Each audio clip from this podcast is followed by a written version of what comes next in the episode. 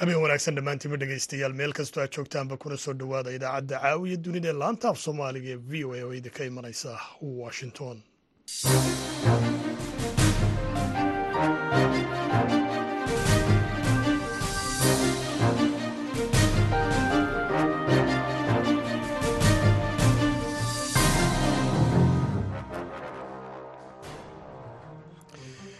waa fiidnimo salaasaa taariikhduna ay tahay afarta bisha oktoobar ee sannadka laba kun iyo labaiyo labaatanna waxaad naga dhegaysanaysaan muujadaha gaagaabane lix iyo tobanka iyo sagaal iyo tobanka mitirban iyo weliba adduunka dhoonad nagala socotaan boggayaga v o a somali com.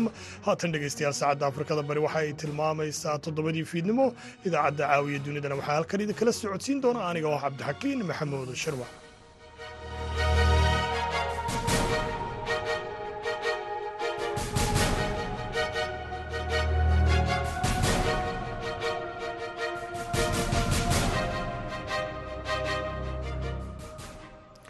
qodobada dhegeystayaal idaacadda caawa aad ku maqli doontaan waxaa ka mid ah puntland oo ka digtay in dadka soomaalida ah ee ku sugan uganda ee isku arka calaamadaha cudurka ebola ay u soo safraan dalka.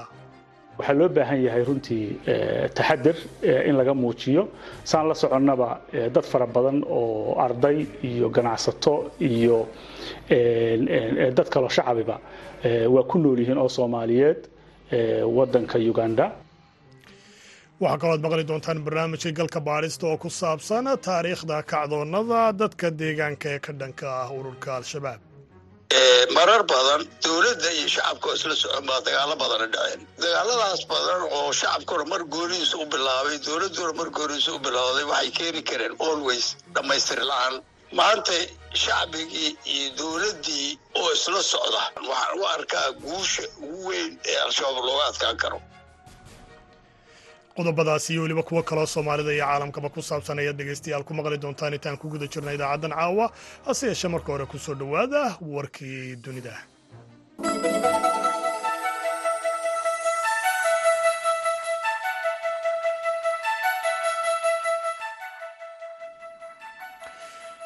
In ka badan shan boqol oo kun oo isugu jira guryo iyo weliba goobo ganacsi oo ku yaalla gobolka florida ee dalkan maraykanka ayaa ku dhowaada toddobaad koronto la'aana kadib markii duufaanta iyan ay ku dhufatay gobolkan oo ku yaalla koonfur bari dalka maraykanka islamarkaana ay ku keentay burbur. Duufaankan iyan ayaa gaadhay gobolka florida bishii hore aan idhaahdee sebtembar siddeed iyo labaatankeedii iyadoo ah heerka afraad ee cabirka duufaanada islamarkaana wadata dabaylo xoogan oo ku socday laba boqol iyo afartan kilomitir saacadiiba iyadoo keentay in in ka badan laba milyan oo qof oo gobolkaasi ku nool ay bilaa laydh noqdaan. Mas'uuliyiinta shirkadaha adeega laydhka amaba korontada ayaa sheegay inay ku wadaan in maalinta jimcaha ama maalinimada sabtida ay korontadu u soo laaban doonto. Dadka deegaankaasi boqolkiiba shan iyo sagaashan gaar ahaan macmiishooda in ka badan kun iyo shan boqol oo qof ayaa la soo badbaadiyey kadib baaritaan iyo weliba sabata bixin ay sameeyeen. Howlwadeennada halkaasi ka howlgelayay islamarkaana ay ku sameeyeen guri guri iyagoo uga baadhaya dadka halkaasi ku jira in ay dad wax ku noqdeen guryaha iyo weliba dhismayaasha halkaasi ku burburay. Tirada dhimashada ayaa korodhay islamarkaana gaadhay in ka badan boqol qof gaar ahaan marka la ysku daro gobolka florida iyo weliba gobolka kale north carolina iyadoo badi dadka dhintay ee duufaantaasi ku dhintayna ay ku dhinteen gobolka florida. Qareenka dhexal sugaha dalka sacuudiga maxamed bin salmaan amaan idhaahda qareenada dhexal sugaha dalka sacuudi arabiya maxamed bin salmaan oo dacwado ku wajahan maraykanka sababo la xidhiidha dilkii laba kun iyo sideed iyo tobankii ee jamaal khashukji ayaa isniintii maxkamadda u sheegay in xilka ra'iisul wasaare ee loo magacaabay toddobaadkii hore ay siinayso xasaanad khashukji oo ahaa saxafi u dhashay dalka sacuudiga oo deganaa maraykanka ayaa waxaa qunsuliyadda sacuudiga ee istanbul ku dhex dilay kadibna meydkiisa jarjaray saraakiil sacuudiyaana iyadoo sirdoonka maraykankuna ay rumaysan yihiin in dilkaasi uu amray maxamed bin salmaan. Amiirka waa uu beeniyey isagu dhinaciisa inuu amray dilkaasi khashukji hase yeeshee waxa uu qirtay in uu ku dhacay mas'uuliyaddiisa toddobaadkii hore aabihii waa boqor salmaane ayaa u magacaabay ra'iisul wasaaraha sacuudiga taasoo keentay in sacuudiga uu ku macneeyey in si rasmiya looga dhigay howlihii markii horeba uu halkaasi ka qabanayey ugu dambeyntiina aqalka sare ee baarlamaanka dalka ruushka ayaa maanta u codeeyey in afar gobol oo ukrain ka tirsan ay ka mid noqdaan ruushka iyadoo hore ay ugu sii socdeen hanaankan oo ay cambaareeyeen ukrain iyo weliba xulafadooda reer galbeedku. Sidoo kalena xogayaha guuda qaramada midoobey antonius guteres oo ku tilmaamay xiisad halisa oo sidoo kalena aan lahayn qiimo sharci. Aqalka hoose ee baarlamaanka ruushka ayaa iyagu arrintan hore u ansixiyey kadib markii ruushku uu qabanqaabiyey waxay ugu yeedheen afti ay ka qaadeen afar gobol oo ay ciidamadoodu ruushka waa ciidamada ruushka ay ka qabsadeen ukrain ukrain ayaa sheegtay in codaynta loo qabtay hannaan xooga islamarkaana aanay ka turjumaynin. Dadka ku nool goboladaasi donisk luhanesk soborisia iyo weliba kherson. Dhegeystayaal warkii duniduna waa naga intaasi u diyaar garooba qeybaha kale idaacadda caawa iyo dunida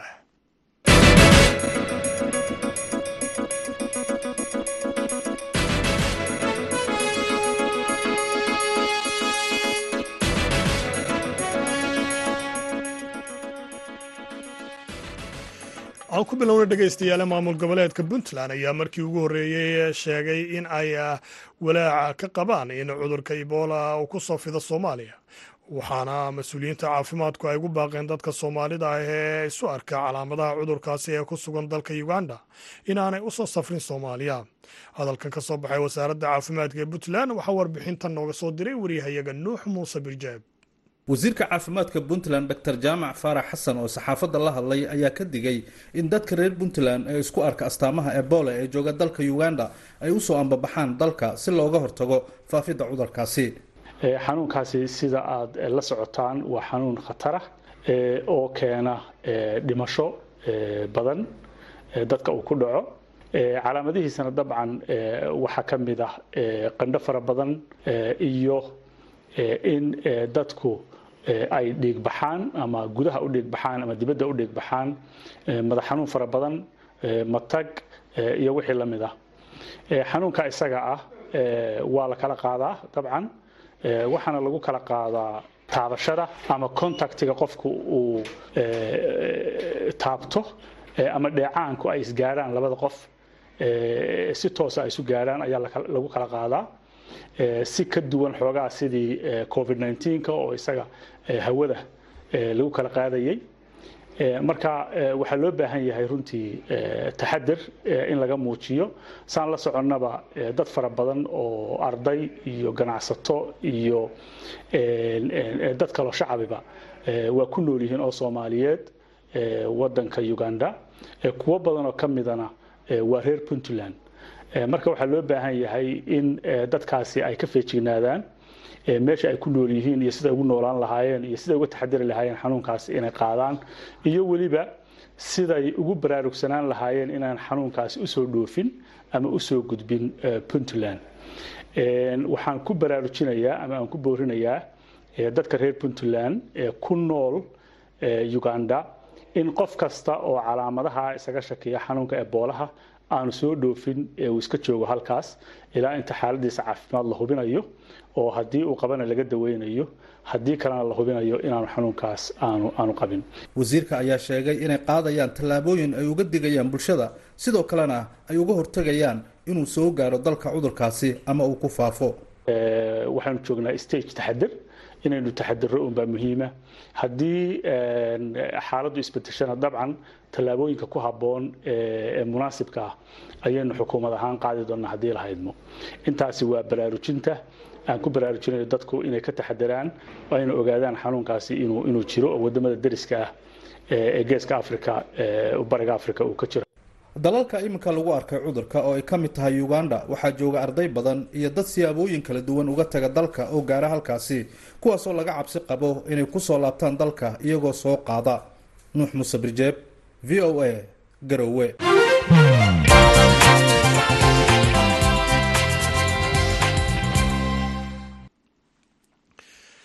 madaxweynaha soomaaliya xasan sheekh maxamuud ayaa cambaareeyey qaraxyadii shalay tole al-shabaab ay la beegsadeen magaalada beledweyne. Madaxweynaha ayaa amray in gurmad loo fidiyo dadka ku dhaawacmay isagoo lamaha amaankana ugu baaqay inay feejignaantooda kor u qaadaan. Dhinaca kalena faahfaahino dheeraad ah ayaa ka soo baxaya khasaaraha shalay ka dhashay saddexdii qarax ee ka dhacay magaalada beledweyne ee gobolka hiiraan. Waxaana soo baxaya warar muujinaya in khasaaruhu ka ballaadhan yahay intii hore loo sheegay warbixintana waxaa beledweyne nooga soo diray wariyahayaga xuseen xasan dhaqane. Meydad hor leh ayaa laga soo saaray maanta burburkii dhismayaashii u dhowaa goobihii ay shalay qaraxyadu ka dhaceen. Dadka meydadkooda maanta la soo saaray waxaa ka mid ahaa xuseen maxamed fiidow oo loo yaqiina dhegay kana mid ahaa mas'uuliyiinta dowladda hoose qeybta dhulbixinta. Maanta waxaa la helay laba meyd taas oo tirada dhimashada ee shalay ka dhigaysa labaiyo labaatan ilaa wareedyada qaarkood ayaa waxaay sheegayaan in la filayo in tirada guud ee dhimashada ay intaasi ka badan tahay. Booliiska iyo mas'uuliyiinta magaalada ayaanan ilaa iyo haatan bixin tiro rasmi ah oo ku saabsan khasaaraha dhimasho. Taliyo ku-xigeenka booliiska beledweyne laba xidigle bashiir cadaani ayaa waxa uu sheegay in booliisku ay isku dayeen inay ka hortagaan qaraxyada laakiin xoog lagu soo dhaafay. Waxa uu taliya cadaani intaa ku daray in maanta ay howlgallo ka sameeyeen magaalada beledweyne kuna soo qabteen dad aada u badan. Saanta u dadaalayna weliba buundooyinkii waa noo xiraayeen baabuurta ay qaraxa ku wadeen baruufay ahaayeen. Buundada xabad looga bilaaba buundada marka xabad looga bilaabo buundada xabadii looga wado annakana halkaana xabad aan u galna. Halkaan ku xabad kula wado halkaan ku qarax. Kii u dambeeyey? Ka horena si moogaashaha ku soo galaba oo wuxuu iska dhigay baabuur safara. Baabuurtan waaweynoo safarka iska dhigay ayuu ku soo maray buundada xoogu ku soo maray isigana baabuur fakada cambileetii u arkaayeen. Kontaroolka hore furmishan u dhigeen. Halla qabtay yidhaheen intuuba ku leexdaba. Walaa tilaabo badan hadda haynaa. Ciidankii o dhan magaalada ku jira baaritaanaan ku jirnaa. Ilaa saakay waxaan soo qaqabannay dad badanaan soo qaqabannay soo xirnay. Magaaladana baaritaan hadda ku wadnaa. Hadda waxaan u malayahaa dhankii dhinacay ka fakato waa bakeelagalaan inay tahay. Dhinac dambe ay ka soo geli karaan ma jirto. Badanaana waxay ka yimaadeen buundooyinka buundooyinki o dhanna waa xirnay marka hadda wixii ka dambeeya kolley waa dadaal badanaan ku jirnaa. Wax qoranoo qadirihoo dhici rabana cid celi karta ma leh tirada dhimashada wallaahi waan dibka soo xisaabna ilaa hadda. Lama koobi karo. Oo hadda ma soo koobi karno. Goobihii ganacsiga ee qaraxyadii shalay ku burburay ayaa maanta waxaa ka jira mashquul badan oo dadkii ganacsatada ay ku baadigoobayaan in haddii ay jiraan wax hantidooda ka haray ay ku badbaadsadaan.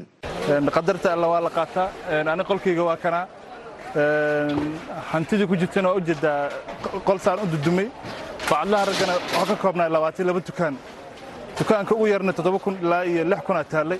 Alxamdulilah qaar ay soddon ku taallay qaar ay labaatan ku taallay qaar ay shan iyo toban dadkana waa kala jeeb weyihiin kullina wax calal yarar laga baxsha mogiye wax fiicanoo hadda laga baxsha ma jiro laakiin qadarta alle mar kastaba waa la qaataa. Alxamdulilah hadda waa nolonahay shalna ilaahana siin birrina ilaahana siinaa marka waxaa loo baahan yahay ummaddani in la jiheeyo oo la caawiyo oo wax loo qabto. Dad badanoo masaakiina hontidooda way ku burburtay kuwa qaraxu waa saddex buu ahaa. Kii ugu dambeeya dabcan qaybtan dadweynaha iyo ganacsiga burburiyey. Dhib weyn baa dhacay runtii. Aniga hadda dukaan dukaankeenna halkan buu ku yille waa burburay.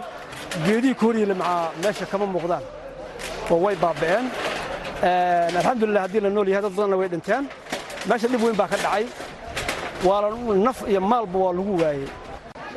Shirkad ahaan aniga dayax waxaanu soo gaaray khasaaro weyn oo macnaha maarata laga soo kaba karin beledweyne waxa ka dhacay waa wax manaha maaratay aanan weliga laga kaba doonin. Khasaaraa dhacay nafeeda dhacay mid maalaa dhacay beledweyne maanta waxay dhigi kartaa wax dhulkaa la dhigay waxa dhacay shalay wax manaha nugleer mogiye lama dhigi karo wax manaha sheegay wixii lama yaqaan. Marka alxamdulillahi rabbil caalamiin calaa kulli xaal maanta dadkan waxay ku socdaan dad islaan ahoo iimaan la waa moogiye wax manaha maanta qof soo masaagi lahayn marka alxamdulillahi rabbil caalamiin wuxuu ilaahay keenana manaha ilaahay aan ku aqoonsanaynaa. Waxaan leenahay adduunyada iyo caalamka iyo dadka muslimiinta iyo walaalaha war beledweynaha loo soo gurmudo. Beledweyne waxay dhici jiraan waxay dad qaban karaan. Ma ahan dowladda iyo wixii jira manaha sheeg maaragtay ururaa iyo adduunka dhan ba ha u soo gurmudaan ururka al-shabaab ayaa sheegtay mas'uuliyadda qaraxyadii ka dhacay beledweyne waxaana ay imanayaan xilli gobolka iska horimaadyo ay ku dhex marayaan ciidamada dowladda iyo kuwa deegaanka oo isku dhinac ah.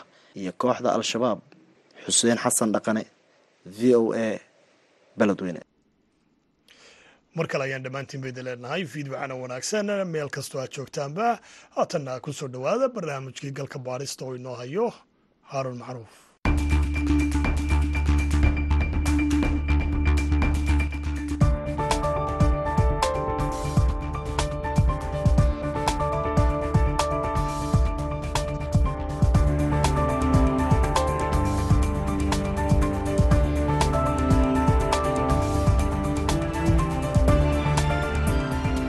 dowladda soomaaliya waxay sheegtay inay soo badanayaan furimaha ay dagaaladu uga socdaan ururka al-shabaab si ka duwan. Kacdoonnadii hore uga dhacay waddanka ee looga soo horjeeday ururka al-shabaab. Howlgalladan ayaa ka dambeeyey weerara ay ururka al-shabaab bilihii ugu dambeeyey ka geysteen maamul goboleedyada galmudug gaar ahaan deegaanka baxdo gudaha etoobiya iyo weliba magaalada muqdisho. Madaxweynaha soomaaliya xasan sheekh maxamuud ayaa isna sheegay inuu la yimid istaraatiijiyo cusub oo lagula dagaalamayo ururka al-shabaab al-shabaab waxay ka jawaabeen istaraatiijiyada madaxweynaha waxayna sheegeen in weerarkoodii hotaal xayaad ay ku qaadeen bishii ogost uu jawaab u ahaa qorshaha madaxweynaha ee iyaga ka dhanka ah. Kamaal daahir xasan guutaale waa la taliyaha arrimaha amniga ee ra'iisul wasaaraha soomaaliya xamse cabdi barre. Shacabka soomaaliyeed mar walbaba diyaar u ahaa nimankan inuu iska dhacsho isku caqiida ma ahan isku diinta la inxiraafiyey iyo dhan ay isaga mid yihiin ma jirto laakiin waxaa isbedelay oo xukuumadda cusub iyo madaxweynaha ra'isul wasaaruhu ay la yimaadeen in bulshada soomaaliyeed ay ay gubaabiyaan ay dhiirageliyaan ay ay runtii garab istaagaan markii ay ay go'aansadeen inay iska kacshaan ayana ugu baaqeen garabna istaageen. Hadda waxaa isbedelay waxa weeyaan shacabka soomaaliyed marka hore diyaar u ahaa dowladda soomaaliyeed oo gubaabisay ballan qaad inay garab istaagto garabna istaagtay. Waa intaasoo la isku daray waa dowladda soomaaliya oo kaashanaysa shacabkeeda xuduudiisa waxa keliya oo dal lagu xoray karana waa shacabka oo wada dhan waxaan aaminsannahay istaraatiijiyadda maanta aan haysano inay guulaysanayso maadaama ay tahay mid shacabkii haysata. Dowladda soomaaliya waxay sheegtay in howlgallada wadajirka ah ee ay wadaan ciidamada dowladda iyo kuwa degaanka oo tasiilaad ay u fidinayaan ciidamada midowda afrika ee admis iyo kuwa caalamiga ee isbahaysiga la leh dowladda soomaaliya ay in ka badan afartan tuulo iyo degaan ka xoreeyeen ururka al-shabaab. Mar kale kamaal daahir xasan. Weli shabaab ma dhicin in ilaa lix toddoba furun laga weeraro. Ma dhicin?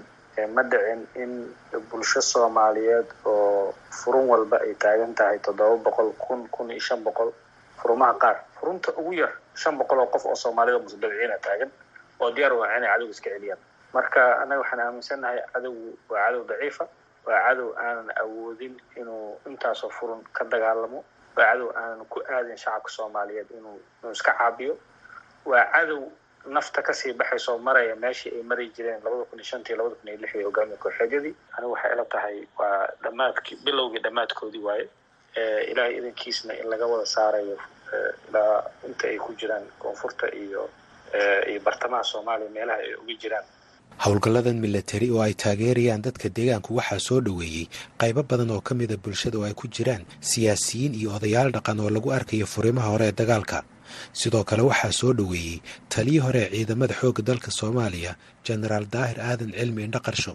Dagaalkan hadda socda waxaan dhihi karaa waa wax loo baahna oo waktigii ku habboonaa yimid. Marar badan dowladda iyo shacabka isla socon baa dagaalo badana dhaceen. Dagaaladaas badan oo shacabkuna mar goonihiisa u bilaabay dowladduna mar goonihiisa u bilowday waxay keeni kareen always dhammaystir la'aan. Maanta shacbigii iyo dowladdii oo isla socda oo labaduba wada socdo laakiin hadda aan shacabka o dhan ahayna degmooyin khaasa ah hadday bilaabeen waanoo rajaynaya degmooyin kale ka dhiman anay ku biiraan waxaan u arkaa guusha ugu weyn ee al-shabaab looga adkaan karo. Kacdoonnada iyo dagaalada ay ku jiraan dadka iskood isku abaabula ee ka dhanka ah ururka al-shabaab ayaan ahayn kuwo ku cusub waddanka is-abaabulka iyo inay dadku ka soo horjeestaan dalabyada uga imanaya al-shabaab ayaa qaarkood lagu arkay markii ugu horreysay galbeedka magaalada kismaayo in ka badan toban sano ka hor xilligaasi oo qaar ka mid ah dadka deegaanku ay diideen inay xoolo iyo hub siiyaan ururka al-shabaab. Sidaasi si la mid ah sannadihii labada kun iyo saddex iyo tobanka ilaa labada kun iyo shan iyo tobanka waxaa qaybo ka mid ah gobolka shabeellada hoose ka dhacayay dagaallo ay dadka deegaanku kaga soo horjeesteen ururka al-shabaab kacdoonka xilligaasi ka dhacay gobolka shabeellada hoose waxaa saraakiisha hogaaminaysay ka mid ahaa guddoomiyihii degmada marka ee xilligaasi maxamed cismaan cali oo ku magac dheer yariisow yariisow xilligan waa xogayaha dowladda hoose ee magaalada marka. Waxaa noogu qasbay dagaaladaas waxay ahaayeen gumaad badan oo ay ku hayeen shacabka deegaanka. Waxay dileen dad badan oo door nabadoonna ah. Odayaal dhaqameed badan ay dileen. Dhanaane laba oday geysteen. Afar oday dhanaane ay ku dileen kadib haddana waxay dileen dhalinyaro saliini iska socda geele ah ayay dileen xoolahayna way ka qaadeen. Kadib haddana meel abuutay la yidhaahdo ayay tageen xoolihii ay dhaceen. Intaas waa u dulqaadanay wax dowlad ah oo noo soo gurmada cawaadkeen iyo raadiyaashaa ka hadalnay. Aniga markaas waxaan ahaa guddoomiyaha degmada marka. Allah u naxariiso cabdullaahi cali axmed wuxuu ahaa guddoomiyaha lambar konton.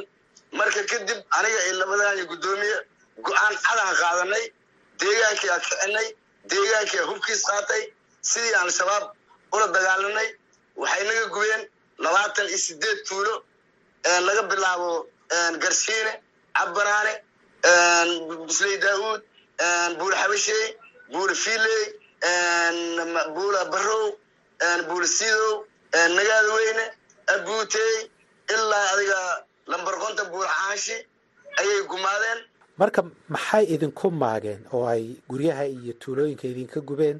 Dadkana idinka laayeen maxay idinku maageen? Waxay noogu maageen sakawaad xoog ah oo meel ay ujeedaan ogeen. Shacabkii waa loo imaanaya geeleyda xoololeyda lacag oo meel ay ujeedo iyo meel kale ay ahena qabiil qabiil ay usaarayeen intaan kun aniga rabnaa mar waxaa la leeyahay hubaad gedaysiin boqol boqol qori konton qori lixdan qori laba boqol qori ala soo saaraa marka boqolka qori iyo hubkaas markay xoog ku qaadanayna aragnay annaga waxaa go'aansanay inaa annaga deegaanaha hubka gadano.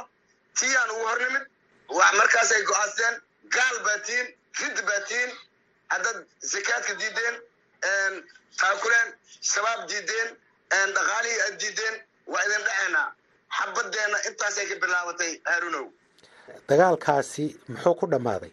Alan waa ishor fadhinaa alan waa ishor taaganahay lamber konton ilaa maxaa kuu ilaa lamber lixdan eridaas hadda waay ilaa buurxaashi dhul badanaa ka safeynay. Waxaa dagaalkeenaas ka dhacay jilib marko oo rag badanaa si dhinteen oo deegaanka ah ilaa dhanaanaa qabanay. Waa iska dhicinay deegaankaa dagaalamay ciidamada deegaanka oo aan rasaastooda deegaanka xoolahooda iyo beer godkii galley ay haysteen ayay rasaas ku gadahayeen hadda saacaanan kula hadlahay alaan anagii shabaab heshiis manay daraati aniga iyo waafow waxay noo goondiyaan aniga tayda ma gelin waafow qaraxa lala beegsaday welina deegaanka waxaa ka go-an col al-shabaab. Annaga alaan ciidankeena waxaa loo yaqaanaa macawisley maahan ciidan deegaan oo loo yaqaan ugaarato. Waxaan loogu bixiyey inay shabaab ugaarsadaan is-abaabulada kale ee dadka deegaanku ay sameeyeen si weynaa uga hadleen warbaahinta waxaa ka mid ahaa kii ay sameeyeen qaar ka mid ah dadka deegaanka ee gobolka shabeellada dhexe. Horaantii labada kun iyo siddeed iyo tobanka xilligaasi oo ay soo baxeen maleeshiyaadka la magac baxay macawisley kacdoonka shabeellada dhexe waxa uu ahaa mid sida kan shabeellada hoose ay keli ku ahaayeen dadka deegaanka marka ay noqoto dagaalka lala gelaya ururka al-shabaab waxayna ka dhacayeen deegaanada ku hareeraysan iyo inta u dhaxaysa magaalooyinka aadan yabaal iyo cadale. Si gaar ah dagaalkaasi waxaa hormood ugu ahaa hibaad cali dasar oo ka mid ahaa dadka deegaanka. Qoyskiisana la deganaa tuulada lagu magacaabo guulane oo u dhow magaalada aadan yabaal hibaad cali dasar waxa uu diiday dalab uga yimid ururka al-shabaab. Dalabkaasi waxa uu ahaa iyo sida uu kacdoonku ku bilowday waxaa galka baarista uga warramay mukhtaar maxamed maxamuud kaadheeri guddoomiye ku-xigeenka degmada cadale oo ay isyaqaaneen hibaad cali dasar. Waxaa la weydiiyey cunugkiisa oo muxuu ahay la rabo in la askareeyo oo lagu beeriyo raggaas. Oday waa u cuntami weyday. Adigu dood dheer ka bacdi duurkou galay asiga iyo xoolihiisa ilmihiisa carruurtiisa duurkay galeen. Mar allaale markay galeen waa la weeraray haddii la weeraray beertii iyo waa laga gubay badar uyiila waa laga soo qaatay. Intaas loogama harina waa la dabagalay markii la dabagalay haddana waa la weeraray. Haddii la weeraray ari yarow lahay iyo muxuu ahay geel lahow lahay waa laga dhacay. Waa soo cararay wuxuu yimiday meel la yidhaahdo degmo cadale oo aan gudoomiye xooga arrimaha bulshada ka ahay. Meeshaas ayuu wuxuu ka abaabulay inuu haddana dagaal uu galo oo nimankii iyaga ahay ou la diriro shabaab inuu la diriro u abaabulay. Rag badan asiga kaliya maahayn rag badanaa la soo barakacay oo ilaa iyo hadda degan igu qaxootiya degmo cadale markaas kabacdi adiga dhowr weeraray qaadeen rag badanay ku soo dileen qoryay ku soo furteen. Waxaan rabaa wax yar inaan dib u laabto wiilka ay doonayeen inay ka kaxaystaan shabaabku isaga mise jir buu ahaa. Waa yaray adigu tumay kow jir labay toban jir meelahaasu wahay cunug yarow ahay cunug waa laytusaba waa muxuu ahay wuxuu markii dambe degmada cadal la soo galaba cunugii aad u yaray cunugu. Sababtay u doonayeen wiilkan yar maxay ahayd walaa sabab kale maaha dadka dhamay ka arushaan carruurta dugsileyda in inta la qaado muxuu ahay la tababaro ayaan la soo haayo muxuu ahay goorkaas kabacdi la soo celisho. Ama xataa maanka inta laga hado waxa isqarxiyo dhan waa carruur marka danaha ay ka lahaayeen kulley waa inay un xabad ay u wadeen amba ha isqarxiyo amba si toos xabad u rideen. Waxaas unbay u wadeen maa hadda dana kaloo gooniya kama lahayn sida dhacdaba oo haddaba ilmo badan saasay ugu maqan yihiin. Rag intee leeg buu helay marka oo garabkiisa galay wallaahi raggu ma aysan badnayn. Ragga cid kale maba uusan helinba raggii la soo qaxa bisay ahaayeen maahina hadda meesha aan joognana rag kale kama uusan helinin adiga rag afartameeyo kontomeeyo lixdameeyo meelahaasay ahaayeen. Markastuu dagaal aadi tago wuxuu wadaa in yaroo toban tumay shan tumay lix ugu badan tumay lix meelahaasoo wadaayo maya xataa ragga wada ma wada karin. Marka annaguna ka degma ahaan waxaan samayn jirnay markay ay dagaal ay soo galaan dhex anuga hortegi jirna markaasaan waxaan ka reebi jirnay cadowgu. Mar allaala marku ay wax soo hadleeyaan oo wax soo dilaan way soo dabageli jireen annaguna markaasaan intaan dabagalna intaan ka hortagnan maxuu ahayn ka reebi jirna intaas marba samayn jirna anagu ka dowlad ahaan iyo ka degma ahaan ugu dambayn halkee bay ka heleen marka oo ay ku dileen? Walaa ugu dambayn waxay ka heleen waxaa waaye ninkaanu habeenkaas habeenkaas qalad baa dhacay. Waxaa lagu dhaweeyey baawur. Ewel lugtiisa oo isticmaali jiray. Habeenkaas baawur gaari technicaha lagu dhaweeyey dadkuna waa taqaanaa. Nimankan shabaabka waxa waaye waxay leeyihiin jaajuusiin badan ay leeyihiin. Waa la ogaaday. Baawurka mar allaala markii lagu dhaweeyey uu ka soo laabtay waa la fahmay. Mar allaala marka iyagu lugo iska bilaabeen ayaa gadaalna laga dabagalay. Horena ciidana la dalbaday. Asaa muxuu hayaa aa dhexda la gashtaba. Baabuurkan tiknikada ah ee dhoweynaya ma baabuur ciidanku leeyahayba maxay dagaalka ula geli waayeen wallaahi leeyahay baabuurku baabuur dowladda milatariga uu leeyahay u ahay. Meesha hadda iyagu ay ka soo dagaalamayaanna baabuur intuu taga kama kama maba ka soo faka kariyaba. Ninkaanu asigaa muxuu ahay nin aad u aad adag ahay maahina macal ragga oo wato meesha hadda uu tago toddobaatan kilomitr siddeetan kilomitr inta shabaab lagu dhex socdo muxuu ahay haddii weerar guud la gelaya waa guurida laakiin hal gaari ama laba gaari in inta siddeetan kilomitr ay shabaab ay ku socdaan inay ka soo fakadaan ma ma ma ma suurtagalba maahaba waa gartay. Marka meesha baabuurtaas ciidanku aysan hawaysan karin isagu sidee buu ku hawaystay kula tahay maxaa keenay inuu isagu hawaysto wallahi waxaa keena waa taqaanaa bini aadamku hadduu ciil badan oo aruuriyo qofku waxaa waaye marbaa qalbiga waxay ka gelaysaa. Ka waxaaba dhaantaba noloshaa dhimashaa dhaantaa ragga qaarkiis xaraab intaas oo geyaha marka waxaan aaminsanaya ninkaas ciilka la baday dartiis inuu muxuu ahay meel aan baawur uusan geli karin oo technica iyo ciida dowlad uusan hawaysan karin inuu isagoo keligiisa ee amba shan iyo toban amba amba shan iyo toban nin wata amba siyeed siyeed nin wata amba sagaal nin wata inuu aado. Kulley ninkaas ciil baa badan is leeyahay cid ku taageeri jirtay dagaalka miyaa jirtay labada kun iyo sideed iyo tobankii mise rasaasta iyo qoryaha iyo wax walba keligood unbaa ku jiray hawsha? Wallahi wax laga taageeri jiray waxaa ka jirta risaastaas xoogay qoryaho lagu taageerana way jiraan laakiin hadda taageero badan oo dowladdu ay muxuu ahay ay garab istaag la taaba karo ay samaysa ma jirto laakiin way jiraan risaas la siiyey iyo qoryo la siiyey intaba way jiraan jenaraal daahir aadan cilmi indho qarsho oo xilliga uu socday kacdoonka shabeellada dhexe ahaa taliyaha ciidanka xoogga dalka soomaaliya ayaan weydiiyey. Waxa uu kacdoonkaasi hore kaga duwanaa kan xilligan socda. Horta dowlad lama socon dadka shacabka markay kaceen. Dowladduna sidii loo baahnaa uma taabkuleen mathalan haddaan mithaal u soo qaarto hirshabeelle maskeeladii ka dhacday maskeeladii touching ah oo qofka bini-aadanka taabanaysa bay ka kacday haddaa xasuusto oday soomaaliya oo xoolihiisa la joogtaa wiil yaroo sideedu jira bay al-shabaab waxay yidhahdeen dagaalkanu qaadanayna odaygu uu la hadlay waxaynu wiilkaas sideeta jirka ay dagaal ma gaarin. Kuwa way qaata maya wiilkaan qaadanayna wiilkaygaan anagoo nool wallaha la qaadanayna haddii wax kasta dhacdo hor dagaalka saasuu ku bilowday. Arrin tajin ah oo shacbi weynihii meesha deganaa la xanuunsaday markay arkeen war wiilkaa yarka ah xagee waqti dagaal buu gaaray. Aad baa lagu heliyey aad iyo aad baa lagu heliyey anugu waktigaas waxaan ahaa taliya ciidanka waxaan isku taxallujiyey aad isku dayay inaan caawino inta suurtagalka waxaa la furay tashwiish ah markiiba aa bilowday in la yidhaha o haddaa kuwa ciddaad doorisin hadhowti dad kalay leynahayaan hadhowti meelo kale aadahayaan war dadkaa marka hore waa hubaysnaa dadna may leynayn mutahay ilaa hadda qoryo ma siinayna ragga waa joogeen waa hubaysnaayeen laakiin tashwiishkaasa wuxuu noqday dowladdii dib bay uga gaabsatay way ka noqotay iyadoo ka baqday criticism aan macno lahayn oo cilmi ku fadhin ummadda soomaaliyeed haaruun kulligeed waa hubaysan tahay kulligeed waa hubaysan tahay dalkaas soomaaliyeed markuu naga helo khasab bay ku tahay dowladda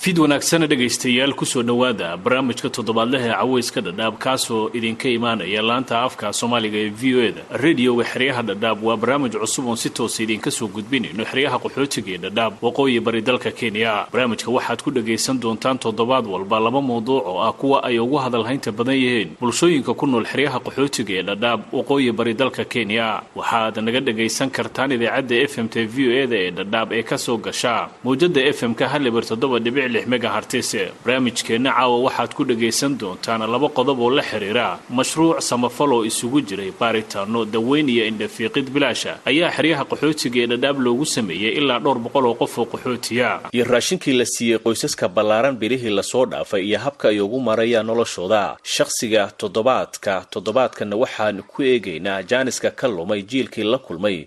Dowlad la'aanta soomaaliya ka dhacday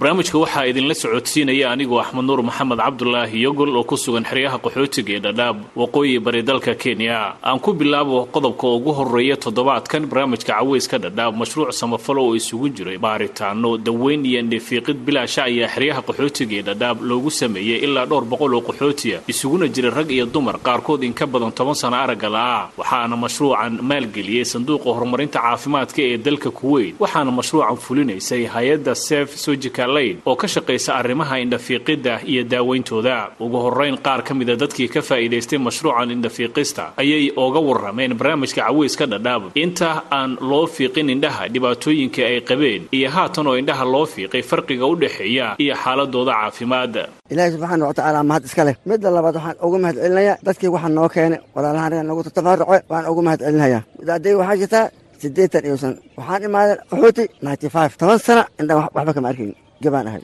Wixii toban sana loo joogo. Geb musqus waa liigeynay. Haddii liigeen way dhulkaan garaacay qab qab qab qab qab saasaan ku socday haddana waan geli karaa musqus waana ka soo bixi karaa. Alxamdulilah raacaniin ka waran maxaa farqiga u dhexeeya dhanka aragga horaan iyo hadda aragga haddaan ka feero aan ku soo dhegeyso. Had maxaa igu jira? Awel waxba ma arkayn adiga waan ku arkay waxbaad igu af igu haya sheeqan waan arkahaya boortoo gacanta ku haya gabadhaan waan arkaya waa taaganta ninkan waxbuu gacanta ku haya waa runtuustay. Waxaan waa laan abaqay marna waxba ma arkaynin baan ku dhihi waay nin la hagaayo oo gacan la wado.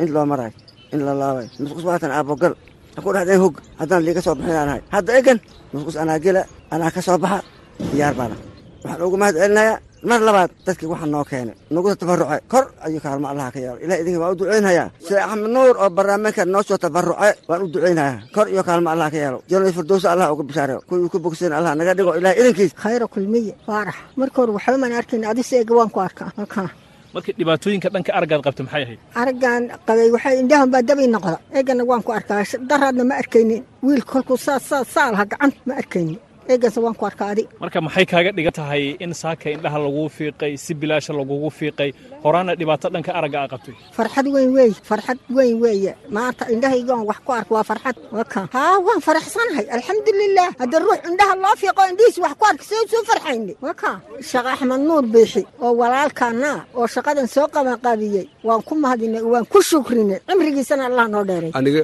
waa magacayga axmed iimaan cabdi baloog d ahan degana dhagaxley alxamdulilah ishaa toddoba sanaysaan ay tahay ma garata toddoba sanaysaan ay tahay. Marka hadda shalayaa la ii fiiqa xalay faashaa iga baraday saaka aan aan meesha ku soo kallahay hadda awal waxay ahayd dhinaca bidax waxay iga jira dhan ma aragtay ma arkayn hadda gacantayga waan arkaya sida markay dhahda hadda waa gacantayga waan arkaya laakiin waa ka hadda maasha allah maqlaysa? Alxamdulilah ilaahay mahadiis waay. Dadkii sadaqadan soo baxsaday ilaahay maaragtay ajri xasanaad ilaahay ka ninkii sida u bixin saas oo kaleento. Ilaan sadaqada ninka soo bixiyay ninka booriy ninka booriya ka sii ajir badanaa lehe marka insha allah alxamdulilah rabbilcaalamiin ana dhagax leen jooga qaxootiyan iska nahay. Magacayga waxaa la yidhaha sayn cabdulaahi xasan waxaan ka imaaday meel sabuule la yidhaaho shalay anoo maama hooyada waa yeel wadaan meeshan imaaday anigana indha aan haynin. Duqdii marka indhaha koraa loo soo fiiqay daaway rabtay daawadana meesha kama ay helin. Anna waxaan dhahay ishana saana i tahay daawada ishi la fiiri waxaa la yidhaha isha fiiqitaan ay leedahay. Waa fiiqitaan aan marka aaban ega hore aaban inaan meeshan ka helay in kale aan moodaynin. Markaas fiiqitaan baan ka helay waa la ii fiiqay. Shalay waxaan arkay ma jirin. Isha midigta eber ay ahayd tan kalena shucaaca iiga jira noo shalay maqaali meeshan ku qadaynaayo gabar arki jirta sayn cabdullahi maad aheena maxaa ku daare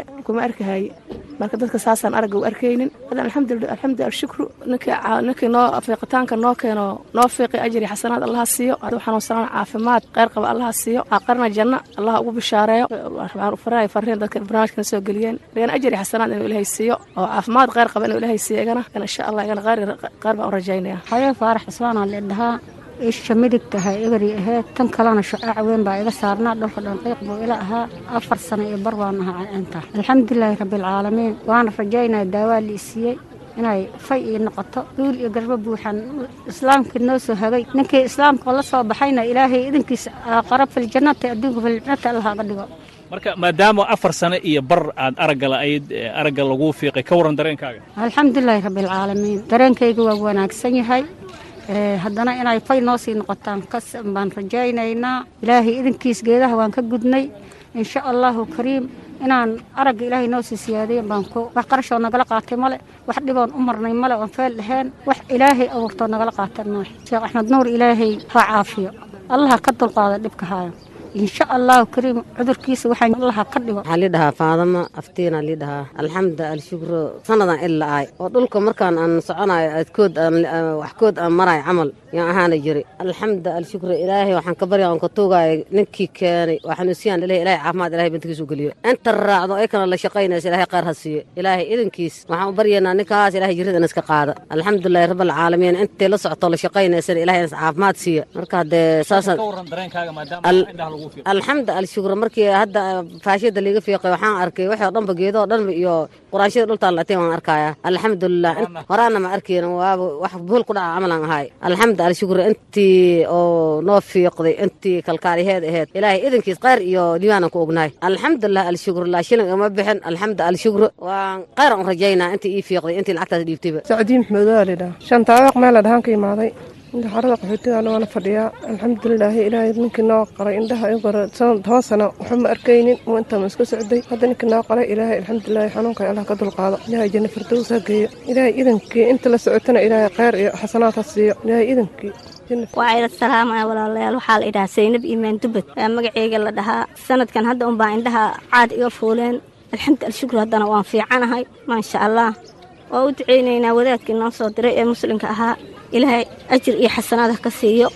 Alxamdu alshukru idinkana abaal weyn baa idii haynaa maasha allah maasha allah xashi ish aheed waxaa u malaynaysaa wallaahi bilaahi fuul waa. Ilaaha mahadda iskale. Hadda labadooda middan markaan qabto middan waxaa mooda adduunka dhan caadiyaan u arkaa. Maasha allah waan fiicana. Ilaahay baan ku mahadinaynaa. Alxamdu alshukru kii noo soo dirayna waan ku mahadinaynaa. Caafimaad kheyr badan allah siiyo qarashna maana bixinin. Wallaahi waa murugsanayna waxaan lehay inteed ka fiiqan doontaan inteed geyn doontaan. Haddana alxamdu alshukri ilaahay baa mahaddaa iskale. Waana u mahad celinaynaa idinkiiyo ayagaba waxaa la yidhahaa maxamed cabdulaahi dool waxaan ka mid ahaa dadkii loogu qalay indhaha xeridan dhagaxley. Dadka noo nagu soo caawiyey way mahadsan yihiin. Waxaanu ugu ducaynaynaa janna fardowsa dhammaan ciddii soo dirsatay maaragtay sadaqadan la soo baxday. Waxaanu ugu ducaynaynaa ilaahay maaragtay inuu janna fardowsa ka waraabiyo adduunkana caafimaad taama ilaahay inuu siiyo. Ayaanu ugu ducaynaa waay dad badan baa maaragtay oo labada indhood ba la-aabaa saaka. Indhaha loo fiiqay oo si caadi ah wax u arka dad ilaa abaa indhaha loo fiiqay oo si caadi ah wax u arka. Aniga hadda laba sanaan indhala-aa oo hal il keliya ayaan maaragtay oo weliba laciifa aan ku socday. Haddana wax walba waan arkaa ilaahay waxaan oga rajaynaynaa ilaahay caafimaad taama inuu siiyo cimri dheer iyo aakharana janno fardowse ilaahay maaragtay ayaa ilaahay ugu bishaareeyo marka ka warran horaan waxaad sheegtay in aragga aad dhib ku qabtay waxba aadan arkaynin. Indhaha laguu fiiqay ka warran dareenkaaga. Wallaahi dareenkayga aad baan u faraxsanahay aniga keliya me ummaddii loo riiqay oo dhan ba aad u faraxsan. Waad ka dareemaysaan hadda markay meesha ka dareerahayeen buuqooda iyo si u qoslahayeen aad iyo aad baan ugu faraxsanahay. Cidda naga farxisay waxaan annaguna aanu ugu ducaynaynaa ilaahay inuu ka farxiyo. Oo aakharana fardowse uu ilaahay uu kaga farxiyo.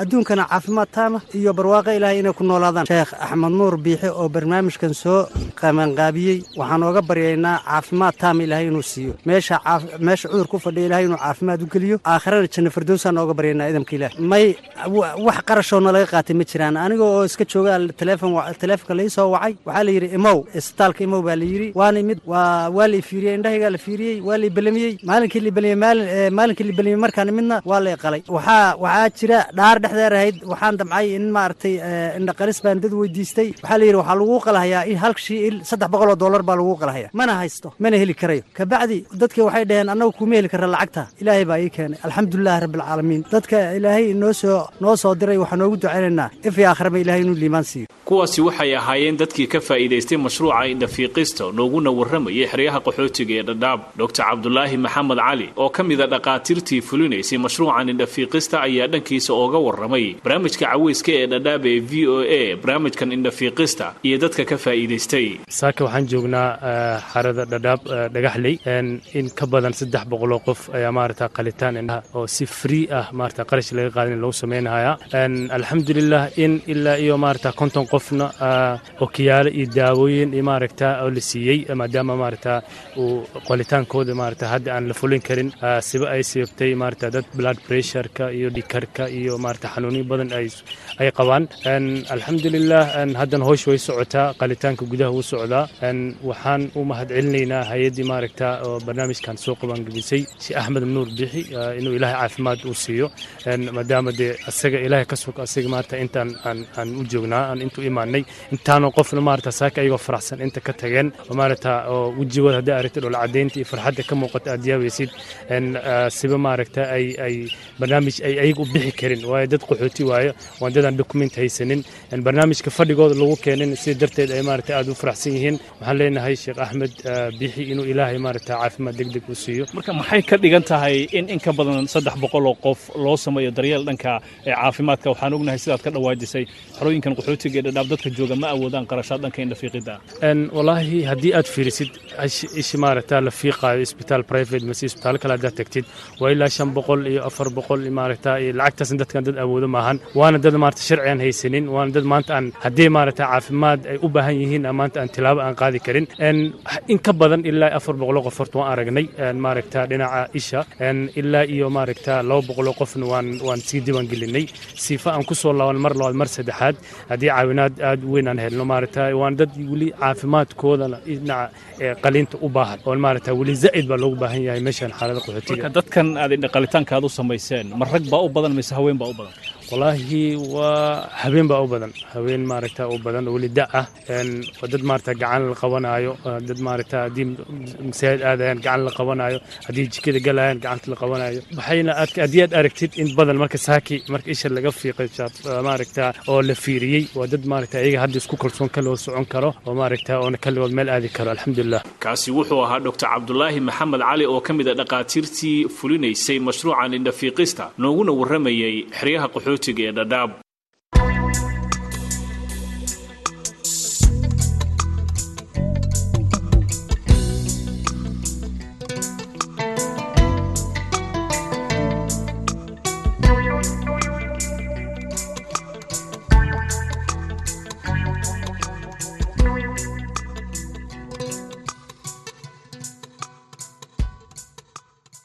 halka aad naga dhegaysanaysaan waa laanta afka soomaaliga ee v o eda barnaamijka toddobaadleh ee caweyska dhadhaabo ah barnaamij cusub ay soo kordhisay v o eda markana aan idinku wareejiyo saaxiibkii cabdisalaan axmed salas oo istuudiyaha igula sugan si uu inoogu soo gudbiyo qaybaha inooga haray barnaamijkeenna.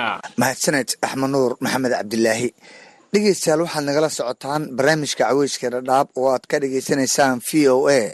Si toosna idinkaga imaanaya xeryaha dhadhaab ee gobolka waqooyi bari magacigu waa cabdisalaan axmed cabdisalaan salas ku soo dhowaada warbixino kale ku saabsan nolosha qaxootiga oon barnaamijka idinkugu hayno.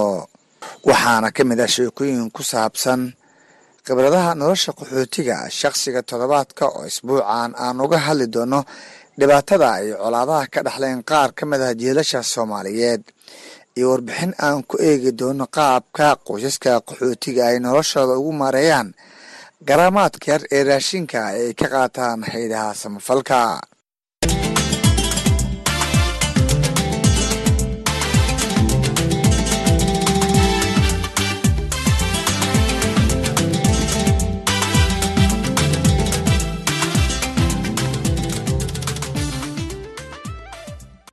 Marka hore dhegeystayaal aan ku bilowno shakhsiga toddobaadka inta colaadaha iyo dagaalada sokeeye aysan ka qarxin geyiga soomaalida waxaa jiray jiilal badan oo amni iyo degenaansho wax ku bartay kuwaas oo ku haminayay in ay kaalin ku yeeshaan horumarka dalkooda maadaama taageero waxbarasho ay ka heleen dowladdii kacaanka ee xilli ka arrimo jirtay soomaaliya.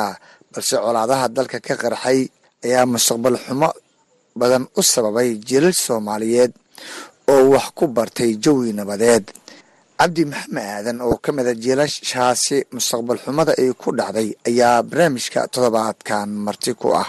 Cabdisalaam ugu horreyn waa mahadsan tahay magacayga waxaa weeye cabdi maxamed aadan. Bulshadu cabdi geedi baa ii taqaanaa. Waxaan ahay oday soomaaliyeed oo ku nool xerada dhagaxley ee kaamka dhadhaab. Waa tahay. Ugu horreyn waa kuma cabdi maxamed aadan. Cabdi maxamed aadan waa nin soomaaliyeed oo haddii alla kuu run yahay oday ku dhashay degmada balaxaawo ee wax ku bartay dugsi dhexe kaga baxay dugsi sarena garbaarey kaga baxay. Kadibna burburkii isagoo labaatan sana jira uu dalkii burburay. Noqday dadka yacni mustaqbalkooda isaga iyo wixii la mid ahba ay meesha ku lumeen. Dabeedna qixi u yimid afar iyo toban sana ka hor xeryaha dhadhaab gaar ahaan xerada dhagaxley waayahay cabdi xilligaagii waxbarasho bal ka waran qaabkii waxbarashada xilligaas iyo dabcan yadadiilada muwaadinka soomaaliyeed ee ardayga ah xilligaasi uu ku taamayay.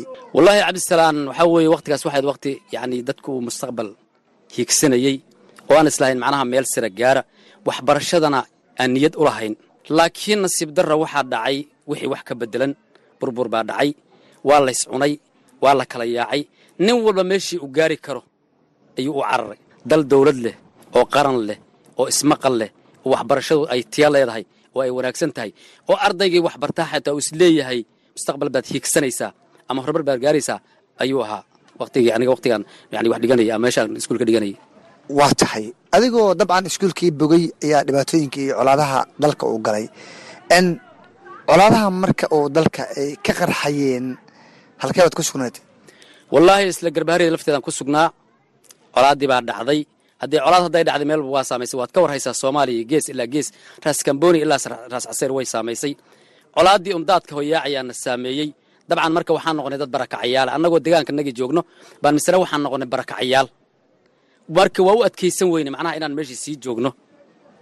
Bal ka waran markii dalkaaga gudihiisa aad barakac ku noqotay adigoo shalay dowladnimada iyo wanaaggeeda dareensanaa wax baranayay sawir sidee abaa ku baxay wallaahi waad garan kartaa qof kasta oo haddii alla kuu roo waxbarasho iyo niyad lahaa oo dalkiisa burbur ku dhacay.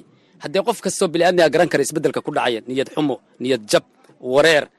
Xataa dowladda hadday inta burburtay haddana dhisma la waxba ma ahaateen oo waa laga kaban lahaa. Ti aynana ma dhicin. Cabdisalaan markii burbur ku dhacayna labaatan sanaa jira haddana tiro kontonaa jiraa fahmaysaa? Waxaan u malaynayaa soddon sano iyo wax lamida baa waxaan ku jirnaa qalbi xumo. Hadda naaw weli qalbi xumaan ku jirnaa soo ma garanaysid la'anna waxaan dad horumar raadinaya oo wax hiigsanaya oo wax barasho leh oo dalkooda inay ubadka ay dhali doonaanna ay ku intifaacaan ayagana intifaacsada dad diyaar u habaana haddana waa dareemi kartaa dalkii siduu uu yahay. Intaana habeenba habeenba ku xigta. Meel bay sii yani ka xun baan ku sii hoyanaynaa. Marka jawigaas jawi qurux badan buu ahaa. Hadda laakiin lama haya jawigaas waxaa jawi qurux badan. Haddana maxaan ku rahay kulle jawiga lagu jiro ummadda o dhan waa og tahay. Waa tahay dhowr iyo toban sano ayaad kaamka dhadhaab ku nooshahay oo naftaadii ula soo carartay. Markii colaadaha dalka ka socday oo dul qaadan weysay. Aabba ayaa tahay xeryaha ku nooshahay bal ka waran haatan walaaca mustaqbalka carruurtaada aad ka qabto maadaama dalkii weli usan xasilooneyn cabdisalaan wallaahi maxaan ku rahday aniga carruurtii horta qaxooti baan ku noolnahay walaac tiro badanna waa qabnaa. Sababtaa ereyga qaxooti la yidhaha qaxooti waa erey yacni nabar ama xanuun ah.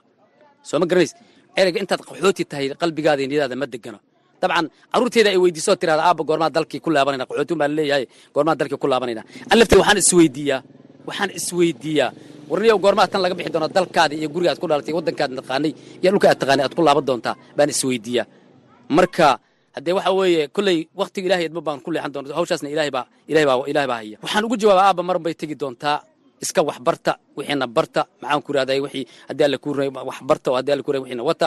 Waqti ilaahay ka dhigo weli maana raja beeline waqti ilahay ka dhigo baan ku laaban doonaa ilahay idmo haddaan nool. Dambayntii markaa ee qaxootinimada dhaawaca ay leedahay maxaad ku qeexi lahayd cabdisalaan wax weyn waaye. Qaxootinimada waa nabar kugu yaalon ka bogsanaynin.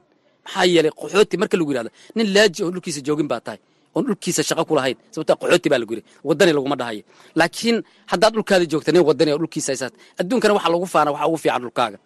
Qofka dhulkaada ku nool baa ugu fiican. Hadday duruufta u saamaxda weeye marka nabar xanuun le wey cabdisalam waxaan ku qeexi lahaa nabar aan laga soo kabsan karin weeye waxaase leeya ilahay nuga bixi. Kaasin wuxuu ahaa cabdi maxamed aadan oonu soo xushay martida toddobaadka oo igu waramay gudaha xeryaha dhadhaab ee gobolka waqooyi bari waa hagaag. Dhegeystayaal haddii aan haatan jaleeco qosaska qaxootiga ah ee ku nool xeryaha dhadhaab ee dalka kenya ayaa garaamaad yar oo raashina waxay ka qaataan hay'adaha samafalka kuwaas oo bishiiba mar u fayla dhowr kiila oo raashin ah iyadoo qaxootiga qaarkood ay yihiin qoysas ballaaran. Haddaba qaar ka mida qoysaska qaxootiga ah ayaan ka waraysan doonaa habka ay noloshooda ugu maareeyaan garaamaadka ay ka qaataan haydaha samafalka qaar ka mid ah qaxootiga cusub ee dhowaan soo galay xeryaha ayaan ka waraystay.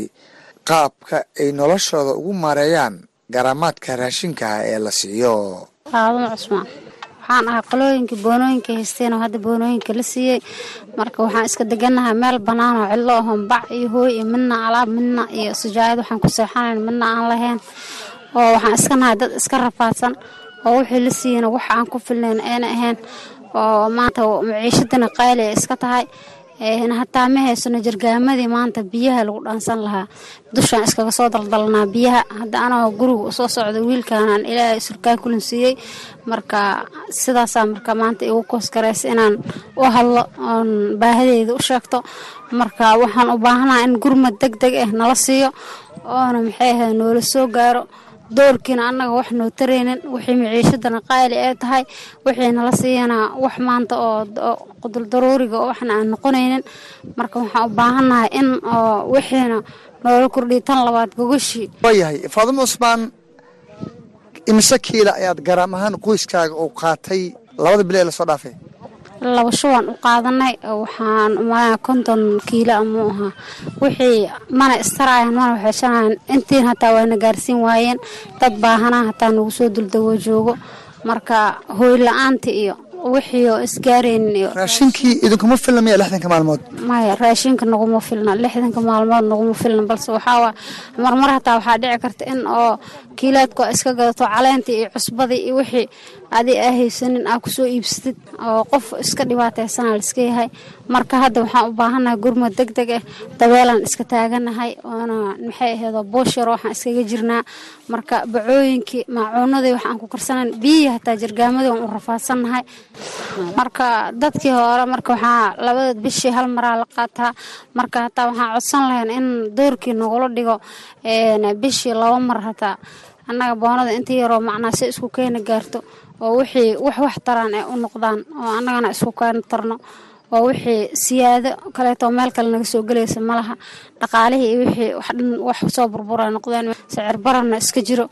Marka waxaan codsan lahayn in si deg deg inaan gacanta nagula qabto tubooyin nala siiyo oo nala soo gaaro. Haduu ilaaha yiraa dhinaca kale qaxootigan ka soo barakacay abaaraha ayaa qaarkood waxaa dulsaar ku ah qaxooti kale oo aan u diiwaan gashanayn hay'adaha samafalka kuwaas oo aan qaadan raashinka yar ee la siiyo qaxootiga ku jira xeryaha taas oo saameyn xoogan ku yeelatay qoyska qaxootiga ah ee ku nool xeryaha dhadhaab. Wardoose cali aa dhahaa waxaan ka imaaday aniga degmada saakow marka kaarkayga toban lo waaye darataa kaar liisii hal door aan ku qaatay. Kaarkan iguma filna afar qoysoo kalena waa i dul saarayihiin guri ma haysano bii ma haysano tubo ma qabno masquul ma haysano. Marka maalinna qorax habeegna dhaxan iyo maxay aheede tuuga cabsi rafaad baan ku joognaa. Anaga naftarkayna wax oo maxay aheedeen daryeeli oo noo imaaday oo hay'ad ma jiraan kaarkaas unbaa liisii waa tahay. Farduuso imise kiila ayaad ku qaadatay kaarkaaga tobanlaha ah. Adoo ii sheegay markii kugu horreeyey aad hal mar ku qaadatay wallaahi ani waxaan ku qaatay waxaan ku qaatay boqol iyo maxay aheed malayna iyo labaatan kiila aheed waana wixii waxaa la dhahay saddex saddex bilood wuu xirnaana. Xilli horaanba ka baxayba dad oo martiyana waa i saarnaayeen laakiin markii marti ila joogna hataa kaarkaas maaba igu filna meel kaloo dhaqaale iga soo gashay malaha meel waxaan ka sugaaya malaha. Markii waxaan qabta aan waaya meeshaan qaxootiga iska soo aaday sidin ku imaanayna ilaahay baa og wax kaloo dakli oo soo galayna ma jiraan.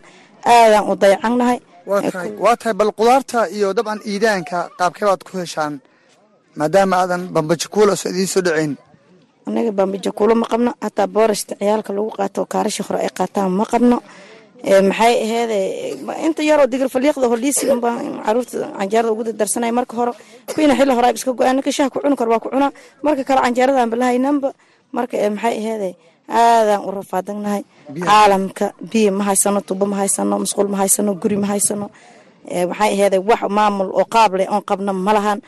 Maxay aheede qaxootigan horaan deganay unbaan iska soo duldegnay hataa dhulka dadaan haysanan dhul as degan hataa aan haysanan marka waxaan rabnaa in uu nala daryeela oo maxay aheede caalamkao dhan iyo hay'adaha. Haddii ilaahay raalli ka noqdo in gargaar noola fidiyaan rabnaa. Dhibkayna ay ogaadaan. Dhibka anaga na haysta horta ayna soo gaaraan ay arkaan inuu run yahay inuu been yahay caalamka maxay aheede waxaan rabnaa gargaar weynaan ka rabnaa ilaahay gargaar laga helaa. Maxay aheede saasaan u baahannaha magacaygo saddexan waxaa waye ciise nuur maxamuud. Waxaan ku noolaa xeryaha qaxootiga dhagaxley xaalad bilaadanimaa iska jirto oo dadka wada haysto. Alxamdulilahi rabbilcaalamiin marka waxaa hadda u noogu daran hoygii la'aan iyo dabeysho meesha ka jirto. Bannaanaan degannahay alxamdulilah masquul la'aanna way iska jirtaa. Biyo la'aanna iska jirto waa tahay ciisow bal ka waran dabcan garaamaadka a qaadataan qaabka noloshiina ugu maareysaan wallaahi garaamaadka horta inkastoo iska yaryihiin wax walba imaan waaye. Dadkana waa kala tiro badan yahay. Kaas lix iyo tobanle iyo wix ka koreeya waaye. Qaar saddexlaa jirto qaar afraalaa jirto marba ninba si waaye garaamka u n uu ka soo qaato keero qofku markuu ka soo qaato ma ku filna noloshiisii iyo ma kaafin karo noloshiisii? Qofka bilaadanku wuxuu u baahan yahay saddex waqti. Ma kaafin karta marka saddexda waqti?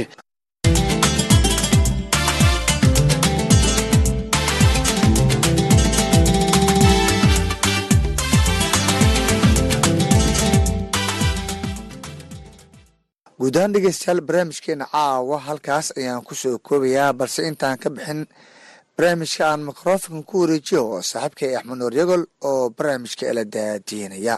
Axmed. Mahadsanid cabdisalaan haatana nala dhegaysta heesta toddobaadka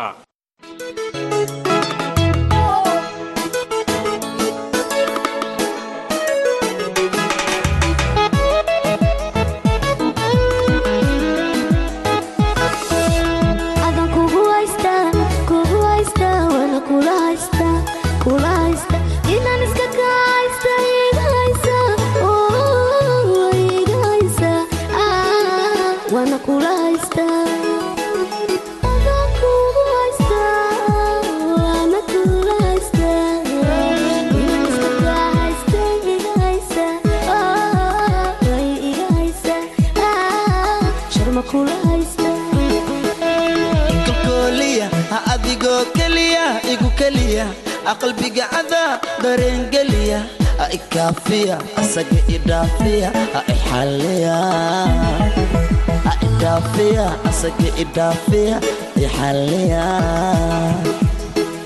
inaka hoos ambabi my qoys jacelkana waa toos maha goosgoos najma ani iyo adi isku joos isku joos inaka hoos ambabi my qoys jacelkana waa toos maha goosgoos najma ani iyo adi waxanaha isku joos baby isku joys waan hubaa ada kugu hurda waan hubaa wana kaa hela waan hubaa wana kulahaya kulahaya waan waan kugu hirtaa waan hubaa waan kugu hurdaa waan hubaa wana kaa hela kulahaya waan kula hirtaa kulahaya waan kula hirtaa adan kugu haysta kugu haysta waana kula haysta kula haysta inaan iska kaa haysta iga haysa iga haysa adan kugu haysta kugu haysta waana kula haysta inaan iska kaa haysta iga haysa iga haysa